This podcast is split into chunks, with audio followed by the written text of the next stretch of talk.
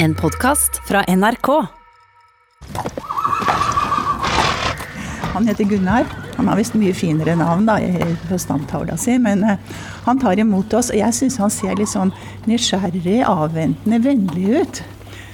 At han tar imot oss sånn eh, Og så sier at eh, vi hester er kanskje det viktigste i denne utstillingen. Kan hende han sier det.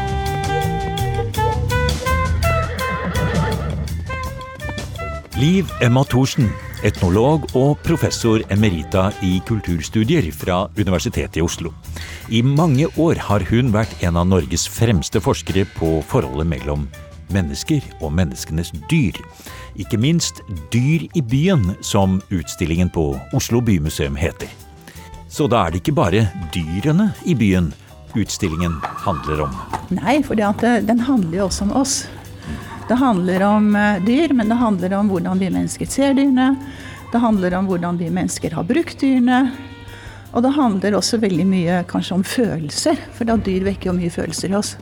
Og det handler om dyr, altså mye pattedyr, og det handler også om fugler. Og det handler om rester av dyr, fragmenter av dyr, om hvordan vi har brukt dyrene. Det ville jo være aldeles galt, er du ikke enig i det, Liv Emma, om ikke vi skulle tatt med det aspektet som handler om kjærlighet og det fellesskapet som mennesker har til dyr.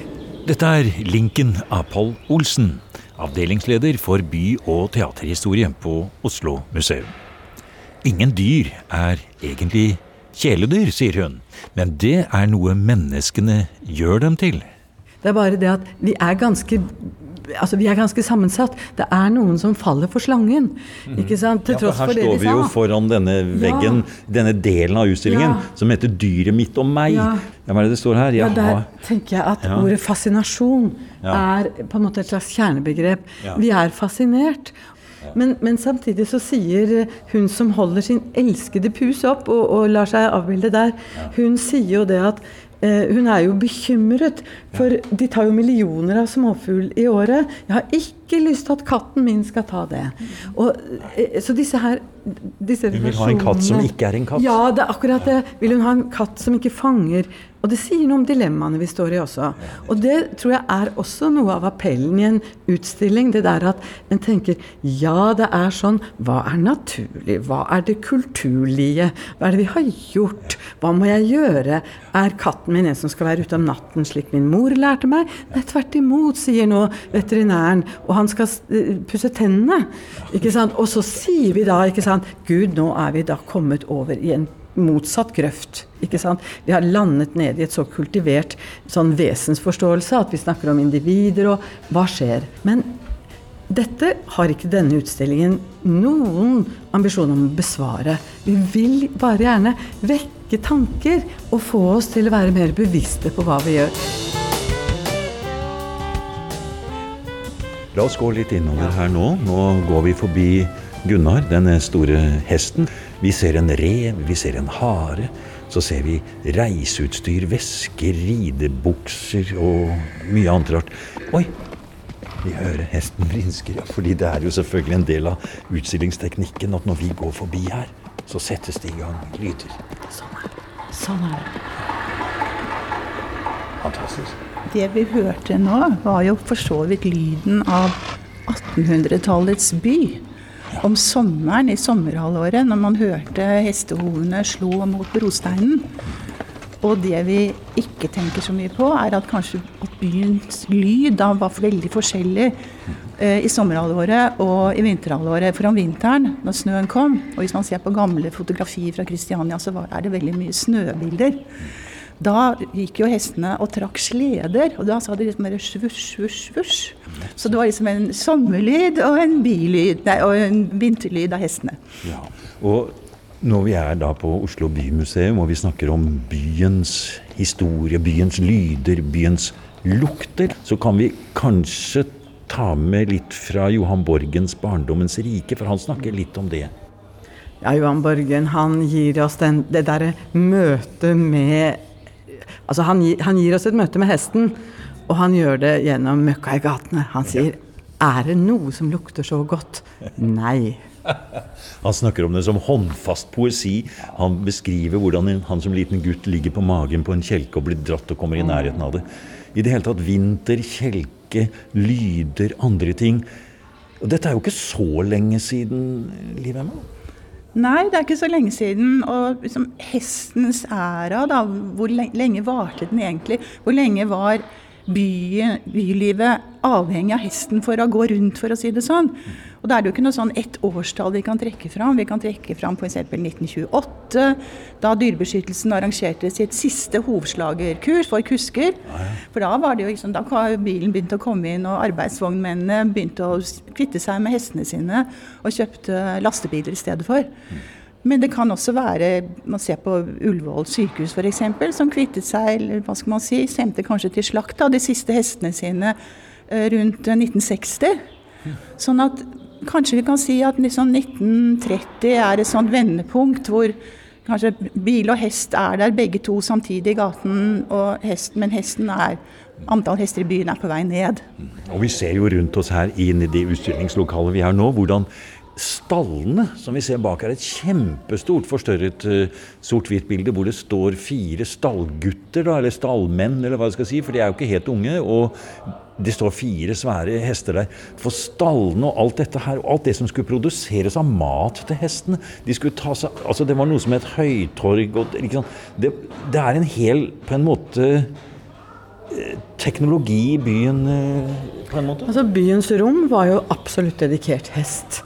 Jeg tenker en del også på kvinnene som gikk med lange skjørt. da og hvordan den der, hvordan skjørtebremmen så ut. Eh, kanskje ikke helt som vi ville ønsket å ha tøyet vårt. Men, eh, men, du var inne på dette med liksom, hva hesten skapte utover seg selv. Altså For å ha den som trekkdyr, så var det jo en hel hesteøkonomi, kan man vel egentlig si, rundt hesten alle de som, måtte, som, arbeidet med å skaffe fôr, som vi var inne på, som arbeidet med seletøyet, hovslagerne, selvfølgelig kuskene selv. Og så kom jo veterinærprofesjonen. Kom jo virkelig, som blir veldig viktig da, i denne perioden. Selv om vi ikke hadde en utdannelse i Norge, men at de måtte reise til København for å utdanne seg som veterinærer fram til vel 1920, tror jeg.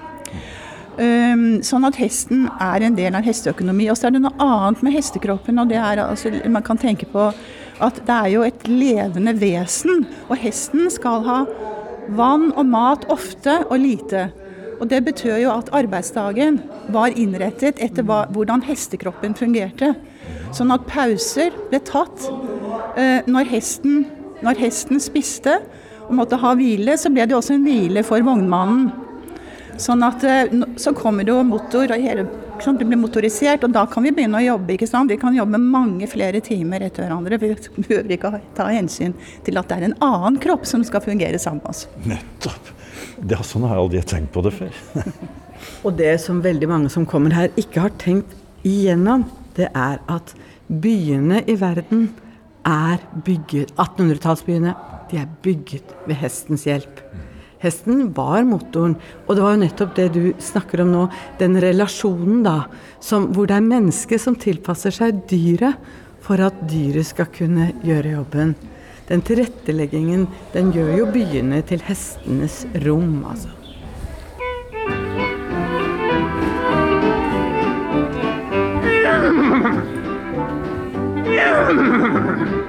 Jeg er en hest og ligger trutt i selen. For kusken Halvor er den beste venn jeg har. Selv om han pleier å kalle meg Kamelen. Jeg traver glad i vei og tunge lass jeg drar. Hvis det hender at bakken blir for bratt, knegger jeg ut på kamerat. Til min barndoms grønne dal. Jeg lengter når jeg står der ensom i min stall. Men mave den behøver både tim og teie kløver, for det smaker best. For han er jo ikke mer enn en hest. I sin tid en av Norges mest kjente grammofonartister, Tor Raimond. Her med en av sine swingjazz landeplager på 78-plate fra 1940-tallet. Bare en hest. Og akkurat som veldig mye av alt som har med hesten som et dominerende trekk i bybildet å gjøre, er forsvunnet, er vel også sanger som Fola Fola Blakken til melodi av Edvard Grieg, og Bare en hest, for den saks skyld, mest å regne som kuriositeter selv om det er en egen forening i Norge for arbeidshester, og mange har et nært forhold til hest som rekreasjon og sport. Vi er på utstillingen Dyr i byen på Oslo museum. Og der møter vi Lincoln Paul Olsen og Liv Emma Thorsen. Og selv om det på utstillingen er to hester, både en utstoppet og det berømte skjelettet av avlshingsten Gjestar, som lenge var en av Norges statshingster, er det også rotter og mus, fugler, grevling, mink som pels, og ikke minst Bella og veslebrunen. Og da snakker vi om selveste Henrik Wergeland. Hesten Veslebrunen var med på å grunnlegge dyrebeskyttelsen, i hvert fall indirekte. Og Bella var en, skal vi si, ikke direkte pen hund, som fulgte dikteren både mens de begge levde, og kan man vel også kanskje si inn i evigheten. Du ser her borte står Bella. Og Bella var jo faktisk Henrik Wergelands hund. Og den hunden jeg vet ikke, jeg vil ikke akkurat si at den ser så veldig typisk ut som hunder. Har blir sånn spist, mm. snuteaktig Ser mer ut som en mår, nesten, men har høye ben og Men det var altså Henrik Wergelands berømte hund Bella som han skrev dikt til. Mm. Og det du begynte nå liksom å resonnere rundt, nemlig hvordan ser hun ut Jeg tror egentlig Wergeland også har gjort det. For eh, Wergelands handling helt på slutten av livet det er at han føler at det å ha denne trofaste hunden rundt seg, det blir faktisk litt plagsomt. Han er så alvorlig syk. Og han kontakter simpelthen sin venn som arbeider på det nye naturhistoriske museet, og ber ham om å overta Bella for å, stoppe, og rett og slett altså å stoppe henne ut. Fordi han mener om at Bella hun er interessant. Hun er interessant for en naturhistoriker, må vite. For er ikke hun av rasen mynde, mon tro? så ser du han, han, han har sin elskede hund, men han ser flere sider ved dyret. Og synes da ikke følelsessiden ved han er ikke den styrende for han i denne situasjonen her. Så Bergland ser jo Bella som både natur og kultur, mener jeg, i denne handlingen. Han ser ikke noen motsetning mellom å skrive en strofe i min hunds øyne senker jeg mine sorger som en dyp brønn. Og å få hunden utstoppet. For hunden som utstoppet eksemplar ville være nyttig av pedagogiske grunner, fordi at han syntes den lignet da på hundene på antikkens ba søyler, basrelieffene, de myndene som er fremstilt på greske søyler. Og, og det viser jo også at dette skillet mellom natur og kultur ikke var etablert som en sånn fast vegg, nesten uoverstigelig mur. Sånn som vi kan kanskje oppleve det i dag, også rent musealt. Så kunne Bella liksom vandre like mye liksom, mellom natur og kultur, og, og, omvendt. Og det er det hun faktisk gjør, da, sånn samlingshistorisk. Og hun blir jo stoppet ut, og jeg regner med at hun ble stoppet ut da på, eh, på Zoologisk museum. Ja, altså, Bare for å få det klart, hunden dør først, ikke sant? Eller tar de livet av hunden for ikke. å stoppe den ut? Det vet vi ikke. Nei. Jeg, tror, jeg vet ikke hvor Bella gammel hun var, var hun åtte-ni år eller noe sånt nå? Om Rask lot henne få lov til å leve liksom, livet ut og avlivet henne når hun ble ja, syk nok. I, I, hvert fall så er det ikke Wergeland selv nei, som Bergland, Bergland ligger på dødsleiet og, mm. og ber Rask ta henne tid, hun forstyrrer meg i min knappe søvn, skriver han. Og det er helt utrolig når vi står her og ser på den hunden. altså Den har overlevd. altså det, Vi snakker om det er jo midt på 1800-tallet. Og den har altså greit seg på museum. Og når vi snakker om Wergeland-familien Han hadde jo en søster. Eh, fortell historien om Robert Collett. Eh, ja, ja for her kommer også Bella inn. Altså, eh, Camilla Colletts sønn Robert ble jo en av Norges mest eh, kjente zoologer. Han var internasjonalt kjent i sin samtid. Han arbeidet med natur og for å forstå dyr hele sitt liv. Han giftet seg ikke. Han var, ganske, han var svakelig, men hver eneste sommer så dro han ut rundt i Norge. Han dro til Jæren og tellet uh, trekkfugler. Han var i Finnmark flere ganger. Han hadde oversikt over fugleliv, over faunaen, både dyr og fugler. Og eh, et av byggene på Tøyen er, heter jo nå Robert Colletts hus. Og han er på en måte litt glemt, syns jeg, fordi han var svært viktig i sin samtid. Og han tar og rydder i samlingene i forbindelse med at det, det nye museet på Tøyen bygges, som åpner i 1910. Og da tok han nok også og kastet ut noe. fordi at i 1905 er det vel, så kommer Bella da, da, da passer ikke Bella inn mer i de naturhistoriske samlingene. Og Bella kommer til Folkemuseet. Og blir en del av Henrik Wergelands etterlatenskaper, kan man si. Så, og lenge sto hun da utstilt uh, utenfor uh, lysthuset, Wergelands lysthus på, som står på Folkemuseet. Og der ble hun ganske sjau etter hvert. da, sånn at hun nå oppbevares hun i et sånt klimaregulert uh, magasin på Folkemuseet. Men vi har vært så heldige å få lov til å låne henne til denne utstillingen. Fått penger til å bygge spesialmonter for å vise henne fram. Så hvis man vil se Henrik Wergelands siste hund, Bella, så skal man gå på Oslo bymuseum nå dette året. Fantastisk.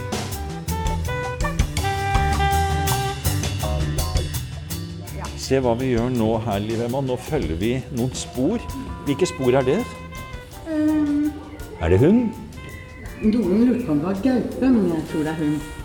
Ja, Det er da er, der er det hund, og så, Ja, er, det, og så er det katt. Ja, Liv Emma, apropos det med hund og katt. Når er det katten kommer? Ja, katten kommer i vikingtid. Og katten kommer vel med vikingene, og katten var vel da antageligvis et overklassedyr, vil jeg tro, i begynnelsen. Men det var jo også et veldig fint dyr å få i og med at den fanger mus, det vet vi alle sammen at katter gjør. Ja, altså Hadde vikingene kommet over katten på sine reiser i Middelhavet, da, eller? Jeg tror at de fikk den på reisene sine. De må jo ha fått den på reisene sine. Ja. Og så må de ha tatt den med seg. De har sett den har vært, vært et fornuftig dyr å ha med seg. Jeg kan, det er veldig rart med katten, for det altså Når vi skulle lage denne utstillingen, så var det jo massevis av materiale om hester. Det var massevis om hunder. Men hvor er katten? Så gikk vi inn for eksempel, man går inn og ser etter gamle fotografier av katter. X antall av hester, di- ditto av hunder. Og hvor er katten? Og da spurte vi hva er det med katten? Og da lagde vi en liten fotoserie med noen av fotografiene med noen tekster til som, som vi mener sier noe om hvordan katter er. Og så er det en annen ting med katten, og det er at den er blitt behandlet så innmari dårlig. Fordi at katter på en måte har man fått, og det har ikke vært noe vanskelig å få tak i en katt hvis man ikke skulle ta en rasekatt. Og det er også noe som Dyrebeskyttelsen ser med alle de kattene som blir dumpet hos dem, og som de forsøker å få et hjem til. At liksom, folk har tatt mye dårligere vare på kattene sine enn på hundene. Og vi går videre gjennom utstillingen. Vi nærmer oss slutten, og vi ser nå en flott eh, Ja, jeg sa flott, men det skulle jeg kanskje ikke ha sagt. Men vi ser i hvert fall en fantastisk eh, Har vært en gang sikkert dyr eh, pelskåpe med et påsprayet rødt kryss. Ja. Nei til pels, liksom. Ja, det er jo slik at uh, i dag så er det forbudt å drive avl på ville dyr for i pelsformål. Og det er også en del av denne store bevegelsen og den bevisstgjøringen rundt hvordan mennesker kan eller bør behandle dyr. Og det er litt som du sa innledningsvis, dette går i bølger. Det er kulturelle forhold som endrer seg, og som endrer vårt syn. Og vi vil veldig gjerne dokumentere at vi er i den perioden hvor vi nå mener at eh, vi kjenner så mye til dyrs behov at vi ikke kan la være å ta det med når vi utnytter dem, eller trenger dem i våre liv. Det er jo sånn, Liv Emma, at det var noen som startet dette med dyrebeskyttelsen, med synet på disse nye tankene man kan ha i forhold til dyr. Og jammen var ikke det også i Wergeland-familien. Ja, altså Henrik Wergeland selv kan man vel kanskje si var vår første kjente dyreverner. Hans eh, tale, Veslebrunens tale til menneskeligheten i menneskeheten, er jo et veldig radikalt opprop for dyrenes vel, og et opprop som hvor Veslebrunnen, så Vesle, Bergland gjennom Veslebrunnen, beskriver hvordan menneskene behandler dyrene, og hvor dårlig de behandler dyrene. Og Veslebrunnen understreker vi kan godt være eders tjenere, men da skal dere være rettferdige overfor oss. Og Veslebrunnen påkaller da menneskenes rettferdighet og barmhjertighet over dyrene, for de skal behandle oss vi er tjenere, men vi skal behandles på en god måte. Og hvis ikke kommer vi til å gjøre et grusomt opprør, og vi kommer til å utrydde menneskeheten. Og selv vil vi dyr dra til et land hvor de behandler dyrene på en god måte. Og vet du hvor det var? Det var til India. Vi er på Oslo bymuseum. sammen med professor emerita Liv Emma Thorsen og avdelingsleder Linken Apol Olsen. Vi ser på utstillingen Dyr i byen, som egentlig handler om hvordan mennesker og dyr bokstavelig talt gikk side om side i Kristiania og Oslo fra midten av 1850-tallet og langt inn i vår tid. Akkurat på samme måte som overalt ellers i landet, for den saks skyld. På 70- og 80-tallet var det temaer som arbeiderhistorie, kvinnehistorie og lokalhistorie som var i vinden. Nå er den nye trenden å skrive dyrene inn i historien. Gjerne sett fra dyrenes egen synsvinkel. Og da må vi jo snakke litt om kjøtt. Og se her, sier Liv Emma Thorsen og trekker oss mot et stort oljemaleri av Jungstorget, med vaiende røde faner, og et hav av like røde dyrekropper som ligger i store mengder på slakterkjerrene i forgrunnen. Vi har jo noe om, eh, om kjøtt. Vi har et eh, spennende maleri som vi kan se på. Vi går bort og ser litt på det. Og her Ja, så Dette bildet her som er malt av Svarstad eh, fra 1907. Og Det han har malt, er jo innvielsen av Folkets hus i september da, det året. Men det han har gjort, syns jeg, er å liksom vise både arbeiderbevegelsen Han viser på en måte ideologi som han sammenfører med det materielle.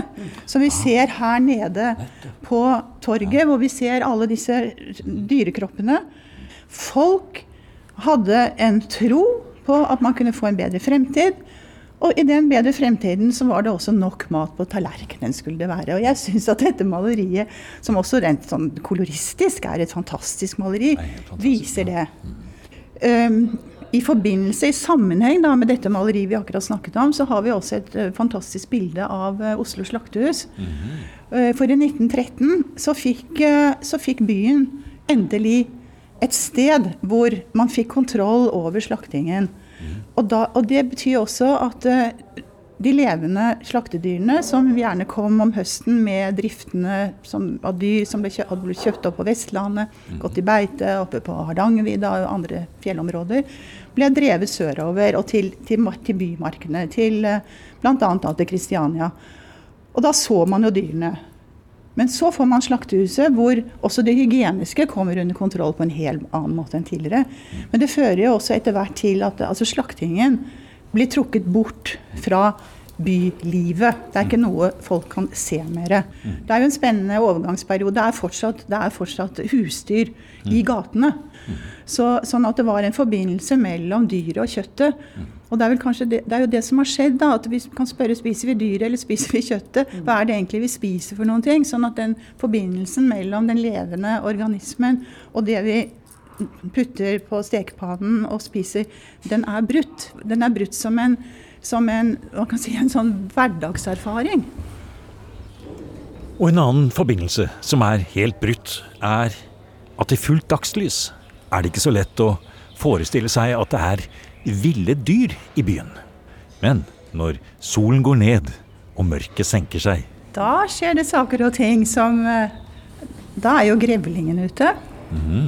Grevlingen er jo kjempespennende dyr. For det første så er det ikke sånn at den biter til den hører det knaser. Det er bare en merkelig vandrehistorie som eh, vi må bare skyve unna. Dessuten så har vi ikke koks lenger heller. Nei, og da og, ha, og Hva slags gummistøvler har vi? ikke sant? Ja. Nei, men den, er, den lever jo i noe som heter hundreårshi. Altså den, den, den lager jo hi som er under Jeg ser for meg liksom under Oslo så er det en grevlingby noen steder. Hvor den har gravd hi, og, som den bruker gjennom flere generasjoner. Og så rensker den jo opp, og den rensker opp bl.a. for brunsnegler. Så den er jo veldig, veldig Egentlig burde den jo være topp populær nå. Og så har vi en venn som begynner dessverre å bli nokså eksotisk. Det er pinnsvinet. Ja, nettopp. Som er et dyr vi eh, er i ferd med å jeg, Vi er redd i hvert fall for at vi mister det. Og det er jo nå lagt til rette for at den skal lage rom som pinnsvin kan leve i og redde seg i, i parker og grøntområder i byen. Og så er det bever og rotter og mus og fugler og mange andre ting i utstillingen Dyr i byen. Tradisjonelt skulle kanskje alt dette høre hjemme på et zoologisk museum i en naturvitenskapelig sammenheng. Men det har like mye her å gjøre, sier Linken Apol Olsen på Oslo bymuseum. Ja, du, jeg, jeg tror jo at uh, i vår tid så blir menneskene veldig bevisstgjort av klimaendringene. Og at uh, klimaendringene får oss til å se på hele vår tilværelse og altså det empiriske grunnlaget som vi uh, handler etter, er ikke alltid logisk. Og derfor er det relevant for et kulturhistorisk museum å se på relasjonen mellom hvordan er naturen, og hvordan er vi i naturen? Og at den forandrer seg, det ser en bare i denne utstillingen. Og vi vil rett og slett gjerne være en møteplass for meningsdeling, for spørsmål, for forsøksvise svar. Uh, og vi tror at uh, dyr har Altså, dyr er så nær oss at vi uh, jeg tror mange føler et ubehag og en uro. Sånn at jeg tror på en måte vi besvarer noe i samfunnet ved å vise fram dyr i byen.